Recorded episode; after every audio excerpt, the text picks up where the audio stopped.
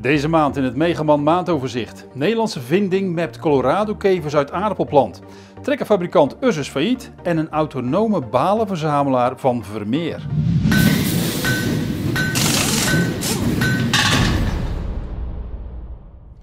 De Nederlandse Colorado Beetle Catcher hangt in de fronthef en slaat met acht rotoren Colorado-kevers en zijn larven van twee kanten uit de aardappelplant. De insecten worden opgevangen in bakken. De machine heeft per rij twee rotoren en pakt in elke werkgang vier rijen mee. De rotoren worden hydraulisch aangedreven. Volgens de bedenkers van de machine verwijdert de machine ongeveer 70 tot 90 procent van de kevers en de larven en zou de aardappelplant niet tot nauwelijks beschadigd worden. Door het werktuig hydraulisch achterover te klappen, leeg je de opvangbakken in een grote bak en kun je de kevers vernietigen. De machine moet 20.000 euro kosten. De rechtbank van Warschau heeft op 12 juli de Poolse trekkerfabrikant Ursus failliet verklaard. Dat gebeurde nadat een aanvraag voor een saneringsprocedure werd afgewezen. Twee banken, de grootste schuldeisers van Ursus, hebben het faillissement aangevraagd. Ursus kampte al langer met problemen. Vorig jaar werden al twee van de drie productielocaties verkocht omdat de Poolse fabrikant de aandeelhouders toen zover had gekregen akkoord te gaan met de verkoop van die fabrieken, leek er weer licht aan het einde van de tunnel. Maar nu lijkt het doek alsnog te zijn gevallen. Wat er met het merk Ursus gebeurt, is nog niet bekend. AS Motor introduceert een nieuwe serie elektrische machines.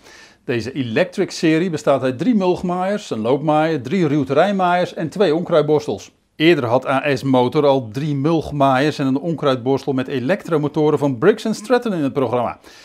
De Duitse fabrikant stapt nu over op de aandrijf- en accutechniek van Ego.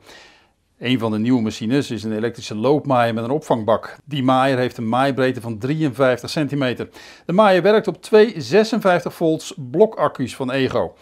Ook de AS50E Weetex valt op. Deze onkruidborstel heeft een werkbreedte van 50 centimeter en vangt de onkruidresten op in een opvangbak. De AS63E Almeyer is het topmodel bij de elektrische ruwterreinmaaiers. Deze maaier heeft een werkbreedte van 61 centimeter en kan begroeiing tot een meter aan. Alle machines uit de elektrische serie van AS Motor zijn in het voorjaar van 2022 verkrijgbaar. Zometeen zie je de beelden van een baalverzamelrobot van Vermeer.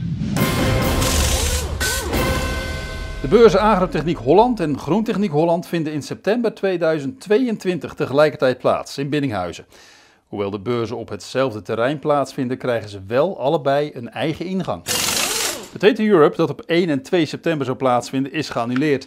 Reden voor die annulering zijn de ontwikkelingen omtrent het coronavirus. Het is voor de tweede keer op rij dat Potato Europe wordt geannuleerd. De goede stemming in de Europese mechanisatiesector is een beetje getemperd.